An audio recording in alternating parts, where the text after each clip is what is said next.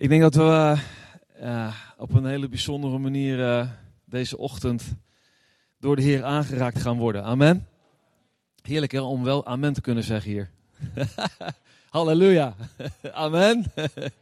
ook alle mensen thuis, super bijzonder dat u meekijkt. Fijn dat we op deze manier zo ook met u verbonden mogen zijn. En uh, we geloven echt dat er een, uh, een bijzonder woord van de Heer vandaag gesproken gaat worden. Mijn naam is uh, Matthäus van der Steen. Ik ben getrouwd met Laura.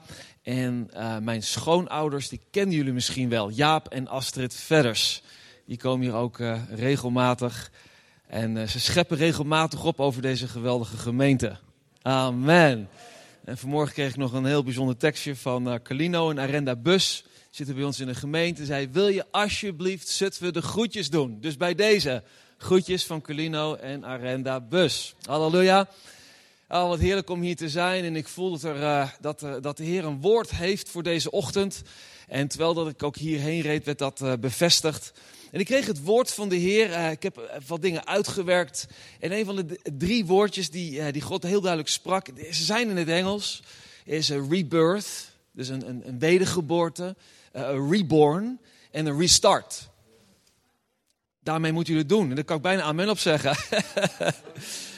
en ik vind het ook trouwens zo bijzonder om. Ik heb begrepen dat er ook uh, veel uh, Iraniërs ook bij deze gemeente betrokken zijn. En ik probeer langzaam te praten. Um, maar fijn dat jullie hier zijn. Dat niet alleen, jullie dragen ook die geest van opwekking. En anderhalf jaar geleden uh, zijn een aantal profetische woorden uitgesproken over Iran, over een, op een hele grote conferentie. Voor degene die het misschien niet weet, ik ben ook betrokken bij een wereldwijd netwerk onder de, um, in de landen zeg maar, waar het lastig is om je, je geloof openlijk te beleiden. Um, en, en een van de woorden die, die de Heer heel duidelijk sprak door profeten, is dat er een enorme grote opwekking plaatsvindt in Iran. En dat er iets heel bijzonders gaat gebeuren de komende drie jaar met Iran en door de Iraanse bevolking. En ik vind het heel bijzonder dat we hier een soort mix hebben van Nederlanders, Iraniërs, die die geest van God willen. Amen. Ja, ik wil nog heel veel zeggen. ik wil het met jullie deze ochtend hebben over de geest van geloof. En ik geloof dat er iets gaat gebeuren deze ochtend wat te maken heeft met datgene wat God verborgen heeft voor deze gemeente, wat God verborgen nog heeft voor Zutphen, dat we door de geest van geloof dat met elkaar naar beneden mogen halen. Want dat is wat de geest van God doet, dat activeert. En het beeld wat ik dit jaar had over Nederland, en, en het was best een beetje een raar beeld. Maar weet je, als, als de Heer een beeld geeft, is dat nooit veroordelend, is het altijd overtuigend. De vijand uh, veroordeelt altijd. Maar als de Heer Jezus een beeld geeft, is het altijd om ons verder te helpen. En weet allemaal wat er afgelopen jaar gebeurd is uh, in Nederland. het hele corona gebeuren en de enorme effecten die het heeft gehad. Maar we merken ook in Nederland dat er ontzettend veel christenen last van hebben. Maar ook in hun geest last van hebben. En het beeld wat de Heer me gaf over het land was van een enorme grote schommelstoel waar, waar het lichaam, de kerk op zat. En dat zat een beetje heen en weer te bewegen. En ik denk dat het ook goed is geweest, maar dat ook nu het seizoen is aangekomen dat door de geest van geloof we met elkaar uit die comfortabele schommelstoel mogen komen. Zodat we gaan doen waarvoor we gemaakt zijn. God heeft zijn hand op dit land. Er zijn heel veel profetieën over dit land, waar deze gemeente deel van uitmaakt. Een van de dingen tijdens de aanbidding die de Heer me liet zien was een plaats van geboorte. Dit is een, dit is een plaats van geboorte. En het zou kunnen zijn dat je het gevoel misschien hebt gehad de afgelopen tijd dat je onder de radar bent gekomen misschien wat onzichtbaar bent gekomen. Maar ik heb goed nieuws voor jou, want Jezus die werd niet geboren in de Amsterdam Arena. Hij werd ook niet geboren tijdens een live-uitzending van God TV. Hij werd geboren in een stal. En dan lezen we uiteindelijk in Gelaten 4, vers 4. Er staat een hele bijzondere tekst. Die ga ik een beetje vrij vertalen. En daar staat toen de volheid van tijd gekomen was, toen zond God zijn zoon Jezus naar deze aarde. Ik ben nog steeds niet aan mijn preek begonnen. Gaat allemaal goed komen. Because I honor time. En in deze volheid van tijd was het voor Jezus de tijd om te starten. Ik heb zomaar het gevoel wat de Heer vandaag. Ik, ik wil me laten leiden door de Heilige Geest. Is dat oké? Ik wil me heel erg laten leiden door de Heilige Geest. En, en toets al deze woorden. Belangrijk, toets het, toets het, toets het. Haal de graten uit de vis. Niet alles. Gooi niet heel die vis weg. Maar het zou zomaar zo kunnen zijn eh, dat de Heer dit jaar de volheid van zijn tijd voor deze gemeente gaat openbaren. Dat alle hoofdstukken die, die jullie met elkaar de afgelopen jaren met elkaar geschreven hebben, nodig waren voor dit hoofdstuk als een restart, een rebirth en een reset. Waarin we niet gaan naar het verleden, want je bent niet het verleden, maar waarin we gaan naar de toekomst. Waarin Jeremia 29, vers 11 zegt: Ik heb een hoopvolle toekomst voor je. God heeft een hoopvolle toekomst voor deze gemeente. Waarin we weer terug mogen gaan naar de bronnen die hier nog steeds zijn. Waarin we weer terug mogen gaan naar het DNA, dat heeft te maken met restart, van de fundamenten van deze gemeente. Als wij zeggen, Zutphen shall be saved in het Nederlands. Zutphen zal gered worden. Dan zeg ik dat niet vanuit mijn, alleen vanuit mijn hart, maar dan zeg ik vanuit mijn geest in geloof. Want ik geloof deze woorden. Zutphen zal gered worden. Elke persoon in Zutphen heeft het recht om een ontmoeting met Jezus te hebben. En daar wil hij jou voor gebruiken. Wat doet de geest van geloof? De geest van geloof laat je de dingen zien vanuit hemels perspectief, vanuit de hemelse verrekijker en niet met onze natuurlijke ogen. Daarom konden wij vijf, zes jaar geleden zeggen toen we in Zwitserland waren, en waren daar met dertig leiders, en ik zou je niet vermoeien wie daarbij waren, maar dertig international leaders. En waren we drie, drie dagen bij elkaar, zonder iPhones. En, en op de derde dag sprak God, Europe shall be saved. Misschien een term die u de afgelopen jaren gehoord heeft. En vanuit die gebedsontmoeting met 30 mensen is er een beweging in Europa op gang gekomen. Waarin miljoenen mensen wereldwijd, zonder overdrijven, miljoenen mensen wereldwijd elke dag om vijf uur proclameren: Europe shall be saved. De visie die God daar gaf was 100 miljoen zielen in Europa. Een aantal maanden geleden waren we in een, in een, een of andere grote meeting. Misschien Bogota, misschien kennen u dat wel, ergens in Colombia. Daar ik ben deel van een, van een evangelisatie-netwerk eh, met Daniel Colende. En daar waren we bij elkaar met Todd White en Ben Fitzgerald. En, en daar ook weer met, met 30 evangelisten. Daar sprak God weer op de laatste dag. Not only Europe shall be saved, but the world shall be saved. En daar begon God te spreken over 1 miljard zielen. Oké. Dat kun je alleen maar pakken als je het ziet in geloof. Daarom is die geest van geloof zo belangrijk. Ik wil het klein maken, maar voor God heel groot. Hoeveel mensen wonen er in Zutphen? 50.000 mensen.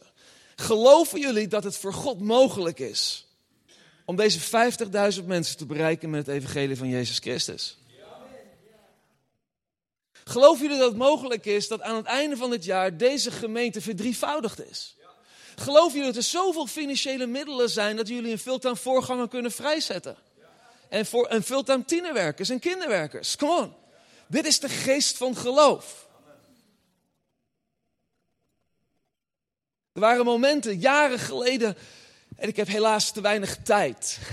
In Myanmar hebben we Twaalf jaar geleden toen we daar begonnen, toen alles gesloten was, zoals u nu weet is het allemaal heel moeilijk daar. Een heel heftig regime is daar nu weer gaande. Maar het was toen onmogelijk om daar iets te doen. En, en God die, die, die brak de deuren open. En we hebben in tien jaar tijd minder dan een halve miljoen mensen tot bekering zien komen. Waaronder andere de vrouw die nu samen met haar man vicepresident is. En helaas moet onderduiken. We hebben dingen gezien waarin je in het natuurlijke is het onmogelijk. God heeft ons deuren geopend in Noord-Korea. Ja, we gaan naar Noord-Korea toe. En dan niet met één mens of twee, maar soms met 130. Er zijn vliegtuigen vanuit Noord-Korea die ons ophalen. Ja, dat is wat de geest van geloof doet. Ik zou u zo graag een dag mee willen nemen. Om gewoon aan allerlei onderwijs te geven over de geest van geloof. Van dit werkt voor iedereen. Dit zijn sleutels die God je wil geven. Die werkt in je plaats. Die werkt in je familie. De geest van geloof. Weet je, toen Jezus op deze aarde rondliep, dat is zo bijzonder. Toen zag hij geen zieke mensen, maar hij zag gezonde mensen. Dat is wat de geest van geloof doet. Dat is de reden waarom de discipelen zo onder de indruk waren van Jezus. Want Jezus zag nooit een probleem, hij zag altijd een oplossing. Op het moment dat je de geest van geloof draagt, dan zie je de problemen van de wereld niet maar alleen maar als problemen, maar dat God een oplossing heeft. We zien, het, we zien het door heel de Bijbel heen. Op het moment dat er een tekort was, was er een oplossing. Jezus, we hebben een tekort. We weten niet hoe we die 5000 mensen moeten voeden. Jezus gaf de oplossing. Geest van geloof. Jezus zag geen zieke mensen, hij zag ze gezond. En op het moment dat je de geest van geloof gaat dragen, en dat gaan we zo verbidden. Mag ik hier straks verbidden dat jullie die geest van geloof, dat geactiveerd wordt in je leven, dan ga je naar de supermarkt en dan, en, en, en dan zie je daar iemand hinkelen. Of daar zie je uh, een Beb die, die je al, al tien jaar lang kent, die ziek is. Die zie je niet meer ziek, maar die zie je genezen. En je gaat er wat aan doen. Ik geloof echt algemeen dat we veel te veel praten in de kerk over problemen. In plaats van te spreken tegen deze bergen. Jezus zegt tegen deze berg, wijk. Heb je het geloof als een mosterdzaadje. En dat geloof moet groeien, dat is een proces. Maar we gaan alleen maar Nederland winnen als we met elkaar gaan opereren in de geest van geloof, zodat we datgene gaan zien wat God al heeft voorbestemd in de onzichtbare wereld. Heerlijk dat jullie hier aan mens zeggen. I love it. Ja, ik spreek heel veel in het buitenland, dus dat is zo heerlijk. In Afrika kan ik soms gewoon, in, in uur, één uur lang hebben we gewoon na, na mijn preek één grote stofwolk in de lucht hangen. Dat iedereen die springt op en dat gaat, die gaat dansen en dat is zo leuk. Hebreeën 11. Natuurlijk een van de bekendste, maar ik denk een van de meest fundamentele teksten over geloof. Het geloof. En ik wil tegen de mensen thuis zeggen en tegen de mensen hier zeggen, als we praten over deze geest van geloof, heb ik het niet over je hart aan Jezus geven. Heb ik het niet over geloven in Jezus. Dat is het allerbelangrijkste wat je in je leven kan overkomen je hart aan Jezus geven. En dan is er een volgende stap wat Jezus zegt. En nou mag je dat, datgene doen wat ik op deze aarde heb gedaan. Dan heb je geloof voor nodig. Het is een geest van geloof. Die is beschikbaar voor ons allemaal. Er staat het geloof, leg de... Oh, we hebben natuurlijk geen beamer hier, hoor wel. Oh nee, sorry. Ja, nee, normaal gesproken. Nee, helemaal niet echt. Wacht even. Het dan ga ik hem voorlezen, want het is logisch dat u hem dan niet kent. Of eh, zoek hem even op in je Bijbel. Het geloof legt de grondslag voor alles waarop we hopen. Waar hoop jij op? Wat geloof je? Zijn er nog dromen in je leven? Weet je, elk persoon die hier gemaakt is, heeft een droom en een roeping van God op zijn leven ontvangen. Iedereen. Je huidskleur, je achtergrond, je gebrokenheid, je trauma, waar je ook doorheen bent gegaan, staat los van het feit dat God iedereen een droom en een passie voor zijn koninkrijk heeft gegeven. Iedereen.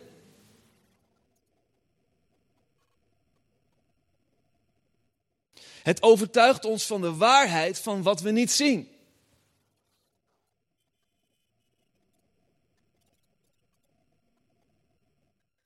In de geest van geloof. Ik zie, ik zie het zo duidelijk, maar goed.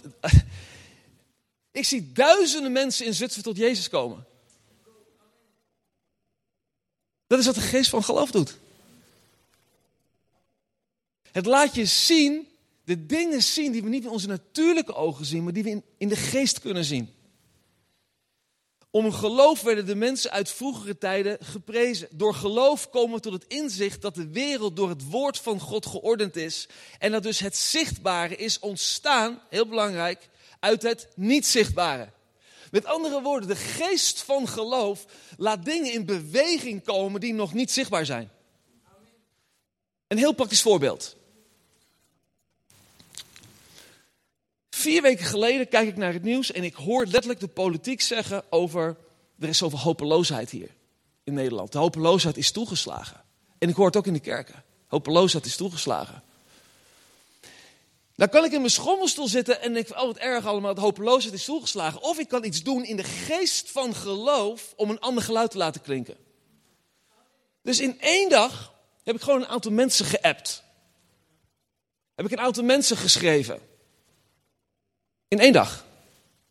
Kees van der Staaij van de SGP. Eppo Bruins van de ChristenUnie. Michiel Jonker van de VPE. Ruben Vlag van de Opwekking. Missie Nederland. AKP.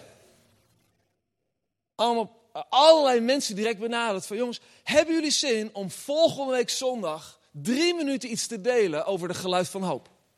Een hoop van geluid. Niet, ja, ja, dat, geluid van hoop. Geluid van hoop, dat is hem. Niemand wist wat het was. Ik, ben ik wist het geen eens. Maar ik, ik voelde van, jongens, we moeten een geluid laten horen in geloof, wat het tegenovergesteld is van hopeloosheid. We moeten nationale leiders iets laten zeggen over geloof. En wat normaal gesproken niet mogelijk zou zijn geweest, waar je misschien drie jaar had over moeten doen, met allerlei commissies, lukte. Het was gevolg dat die, die middag daar met dertig leiders iets verteld hebben over, de, over, over een geluid van hoop. Met een impact. 30.000 mensen die het gezien hebben. Politieke partijen die het gebruikt hebben. Een geluid van hoop. Ik had in die schommelstoel kunnen zitten, maar ik ben eruit gesprongen. Ik zeg, ik, wil, ik wil er wat aan doen. Dat is wat de geest van geloof doet, mensen. het kan een gebouw zijn. Oh, I get excited here. Sommige mensen worden een beetje onrustig van me.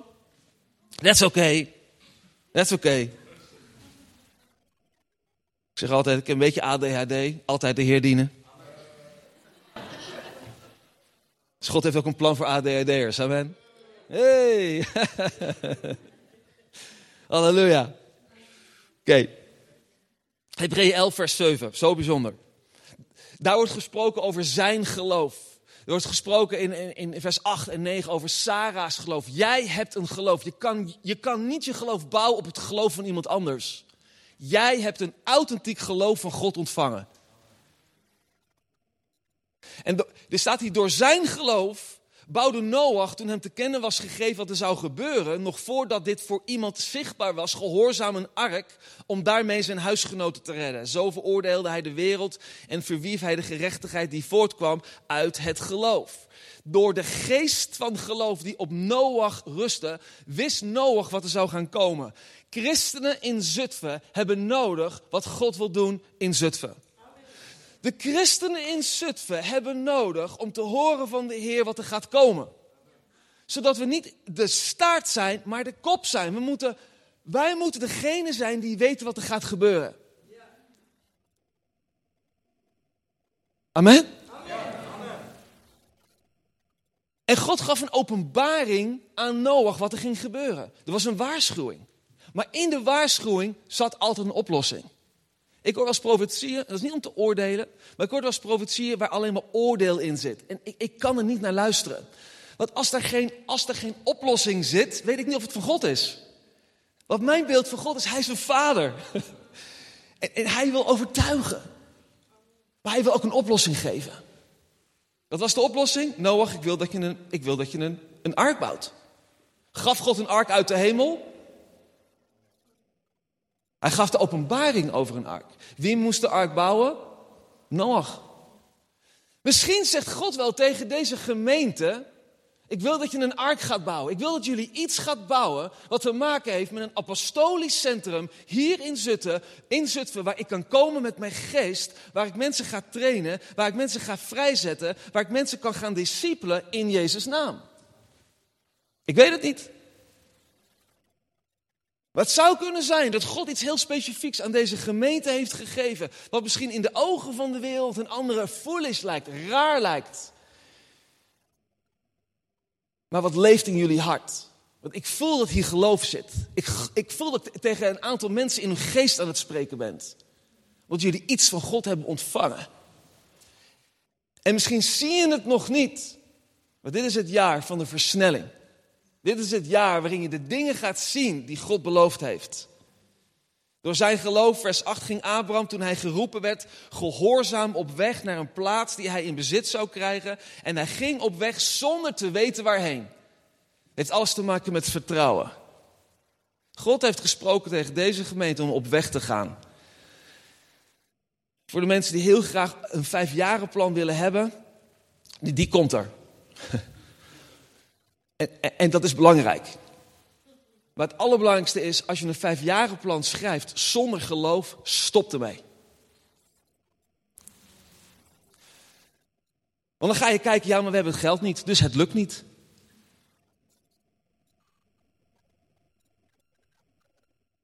Als wij in mijn leven, en ik heb 30 jaar lang zit ik nu in de ministry, zo oud ben ik al en zo jong ben ik al begonnen, 14 jaar.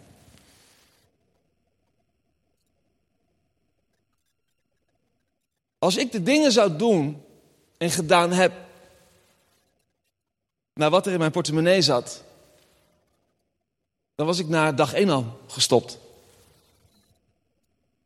Ik kan me nog herinneren dat de Heer sprak over een campagne in India. En er zouden honderdduizend Hindoes komen. En ik wist niet hoe ik het moest betalen. En een week van tevoren lag ik op mijn knie. Ik zei, maar Heer, u heeft gesproken. Ik kan geen eens een ticket betalen. En er was van alles al georganiseerd. En, en boven natuurlijk begon God een week, een week voordat het zou beginnen tegen mensen te spreken. Ik kan me nog herinneren dat die dag drie enveloppen binnenkwamen van mensen met drie keer 10.000 euro. geest van geloof. Daar is wijsheid voor nodig. Absoluut. Er zijn adviseurs voor nodig. Maar elke, elke persoon die wijs is en elke adviseur die wijs is, moet die geest van geloof dragen. Want in de geest van geloof is alles mogelijk. Ik spreek tot een aantal mensen vandaag. Because you're jumping out of your schommelstoel in de geest. Vers 11. Door haar geloof ontving ook Sarah, hoewel ze onvruchtbaar was gebleven en niet meer in de bloei van haar leven was, de kracht om een kind te verwekken. En wel omdat ze vertrouwde op degene die de belofte had gedaan. Ze was onvruchtbaar. En misschien voel jij wel op dit moment in je leven geestelijk onvruchtbaar. Ook de mensen thuis. Van alles wat er op dit moment heeft plaatsgevonden en plaatsvindt. En de corona en de, de difficulties en de uitdagingen. Misschien voel je wel als Sarah. Je hebt een belofte van God gekregen. Maar je zit in een seizoen van onvruchtbaarheid. Misschien heb je wel gehoord gekregen dat je ongeneeslijk ziek bent. Je hebt een droom, een belofte van God gekregen, maar je omstandigheden lijken onmogelijk. Maar ze vertrouwden op God. Mensen, het enige wat we op dit moment kunnen doen is vertrouwen op God. Staan op zijn beloftes. Het woord van God uitspreken. Een paar weken geleden was ik bij iemand en die was zo ontmoedigd. En ik ga zo bidden hoor. Ja. Maar die was ontmoedigd. En ik kan heel aardig zijn en ik leid zelf ook, een, ook een, een, een, gemeente. Dus, dus, dus het is belangrijk dat je ook herderschap in je hebt. En luistert naar mensen. En pastoraal bent. Al die dingen meer. Maar ik was bij die persoon. En hij zei, ik, ik, ik ben zo ontmoedigd. Ik heb beloftes van God ontvangen. En, maar hij zei, ik voel me zo ontmoedigd. En ik moest, ik moest aan hem vragen. Hoe vaak per dag kijk jij naar social media en naar negatieve dingen? En ik keek maar, wat heeft dat ermee te maken? Ik zeg heel veel. Ik zeg, ik zie een beeld. En ik deelde met hem het beeld wat ik zag. Ik zeg, joh, je achtertuin en je voortuin die je van God hebt gekregen. Ik zeg, er staat een heel groot hek omheen. En ik zie een poort staan. En ik zie dat je de sleutels van God hebt gekregen over jouw tuin. En je tuin is zo mooi. God heeft die tuin zo mooi gemaakt. Maar jij hebt de sleutels. En elke keer als jij naar negatieve dingen kijkt op social media. Elke keer als je naar negatieve dingen kijkt die je hoort op het nieuws. Ik zeg, wat je dan doet is, je opent de poort voor de vijand om de dingen te zaaien in de tuin die daar niet horen te zijn. En je kan God ervan de schuld geven. Maar ik zeg, hé, hey, luister. we hebben ook ergens een eigen verantwoordelijkheid. Wat zaaien we in onze tuin? Waar kijken we naar? Waar luisteren we naar?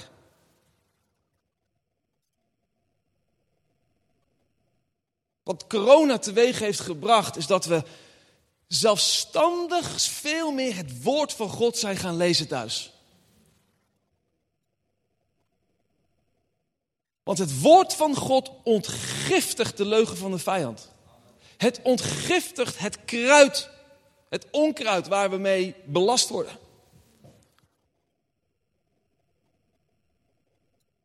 Dit is wat ik altijd doe. Als ik naar negatief nieuws heb gekeken, probeer ik altijd, stel dat het 10 minuten is, probeer ik 20 minuten lang de Heer te loven en te prijzen. Als ik een half uur alleen maar ellende op tv heb gehoord, probeer ik een uur lang naar een positief programma te kijken en het woord van God te lezen. Je hart, je hart, je hart. Zorg voor de tuin van je hart. Zorg dat het zaad wat daar gezaaid wordt te maken heeft met geloof. Met de waarheid die God spreekt. Amen. Ik ga zo eindigen met wat geloof niet is. Misschien zeg je ook wel van, ja maar Matthäus, ik ben diep ongelukkig. Ik ben getraumatiseerd. Er zijn allerlei dingen in mijn leven gebeurd. Hoe kan God me nou gebruiken? Nou, koning David is een enorm goed voorbeeld. Toen Jezus op deze aarde rondwandelde, werd hij heel vaak uh, uh, werd naar hem geroepen: hey, vader van David. Zoon van David. Dat is hem. Zoon van David. Heel bijzonder. Ik leer heel veel van koning David. We leven bijvoorbeeld in, in Psalm 116, vers 10, waar staat: Ik bleef vertrouwen, ook al zei ik, ik ben diep ongelukkig. In een andere vertaling staat dat David door zoveel trauma's was heen gegaan. Maar wat staat er? Hij bleef vertrouwen op de Heer. Jouw trauma, jouw verleden, jouw gebrokenheid mag nooit een excuus zijn voor de leugen die je kan geloven dat God je niet kan gebruiken. Hallo?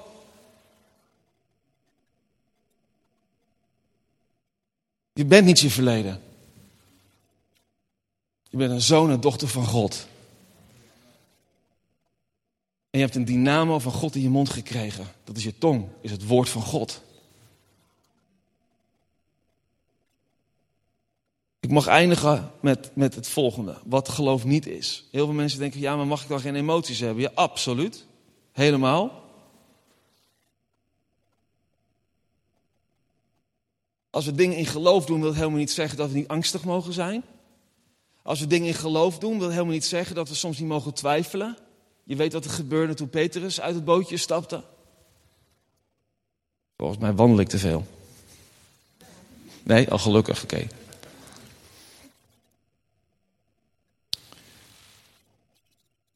Je mag angst hebben. Je mag twijfel hebben. Maar laat je angst en je twijfel nooit je geloof overheersen. Ik wil zo graag bidden. Ik wil graag een keer terugkomen. Ik nodig mezelf uit. Om te praten ook over de zeven sleutels om jouw geloof te laten groeien. Want er is hier nog zoveel over te zeggen, mensen. Maar in de geest wil ik gewoon even heel kort iets gewoon hier tegen jullie zeggen. Dit is een gemeente van geloof. En daar waar ongeloof is gekomen, dat mogen we beleiden. En mogen we weer doorgaan. In die geest van geloof. Want Zutwe shall be saved. Amen. Zullen we met elkaar gaan staan?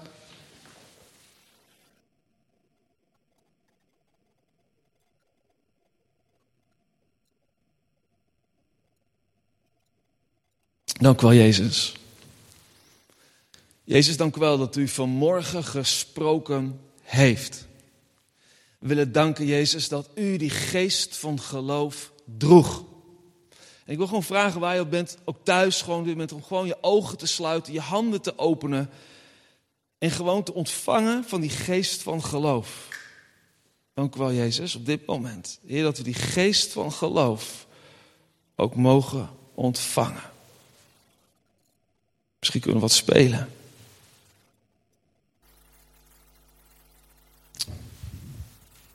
Dank u wel, Jezus. 2 Korinthe 4, vers 13 staat: Wij bezitten die geloofshouding waarover de schrift zegt: Ik geloofde en daarom heb ik gesproken. Hier wordt gesproken over de geest van geloof. Ook wij geloven en daarom spreken wij ook. En ik wil danken, Heer, voor deze geloofshouding. Heer, dank u wel voor deze geest van geloof. En in onze gebrokenheid, in de vertwijfeling van de afgelopen anderhalf jaar, wat er over Nederland is gekomen, de dingen die zijn gebeurd, de, uitdagingen, Heer, waar we in Nederland mee te maken hebben gekregen, de ongekende krachten en machten achter systemen. Daar, Heer, waar we niet meer onder de geest van geloof zijn gekomen, maar onder een geest van angst of onder een geest van vertwijfeling, waardoor we soms de ene dag lijken op die man en vrouw van geloof en die andere dag als die golf die heen en weer wordt geslingerd in vertwijfeling en we het eigenlijk niet meer weten.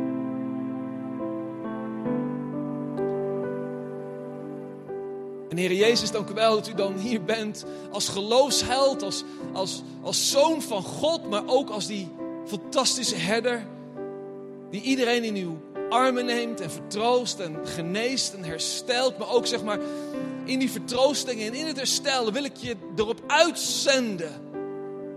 Ik moet zo denken aan, aan Jesaja die, waar die geest van geloof kwam en die heiligheid. En zei, maar ik ben het helemaal niet waard om erop uitgezonden te worden. En, en, en de vader die reageerde daar geen eens op. Hij, hij zond zijn engelen met vuur en ze werden aangeraakt. De lippen werden aangeraakt. En Jezaja kon alleen maar zeggen, Heer, hier ben ik, zend mij.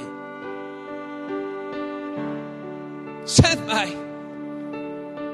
Het was Abraham die niet precies wist waarheen en hoe, maar zijn hart wel, zend mij.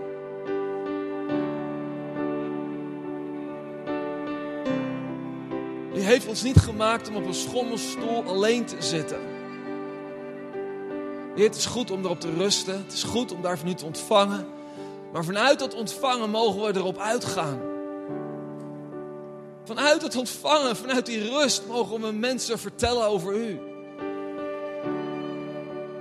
Mogen we dat hoop, die hoop zijn, dat geluid zijn van hoop. En zo breng ik Jezus, lieve Heer Jezus, ook al die wat was het, 50.000 inwoners van Zutphen voor uw troon. Alle dorpjes die eromheen zitten. Heer Jezus, u kent elk haar op hun hoofd. Elk huis is bij u bekend. En daarin klinkt de stem vanuit de hemel. Wie kan ik zenden? Wie kan ik zenden? Wie zal voor mij gaan?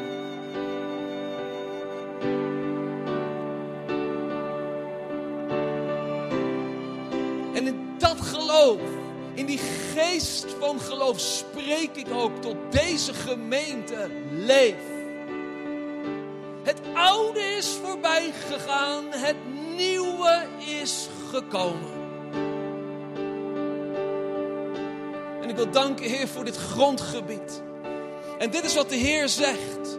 De stormen waar jullie doorheen zijn gegaan als gemeente, hebben te maken met grondgebied. Hebben te maken met de plaats die Jezus deze gemeente heeft gegeven in de hemelse gewesten.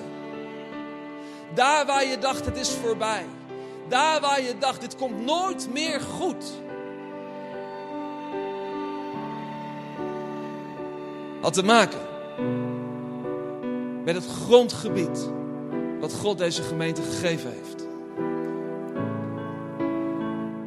Jezus die wilde naar de overkant om daar een man te bevrijden, omdat geestelijke overheden en machten een heel gebied in bezit hadden genomen. En terwijl Jezus onderweg was, kwam er een demonische storm. En deze demonische storm had te maken met het grondgebied waar Jezus naartoe zou gaan. En waar was Jezus? Hij was in volkomen rust en vrede in de aanwezigheid van papa. Want hij wist, mijn vertrouwen is op hem.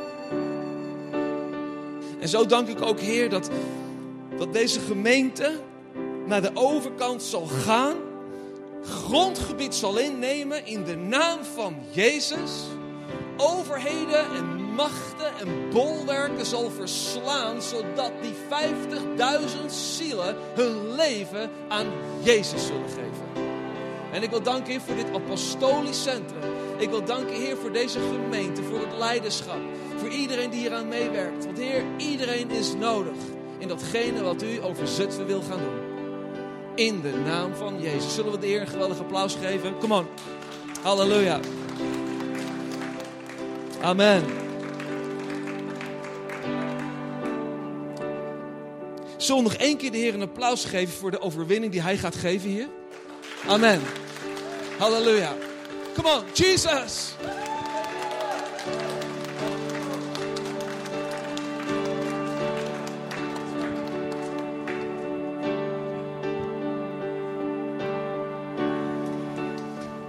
En uh, het volgende lied wil ik niet alleen zingen voor de mensen die uh, hier zijn en voor de mensen thuis, maar ook eigenlijk voor alle mensen in Zutphen die uh, God nog niet kennen.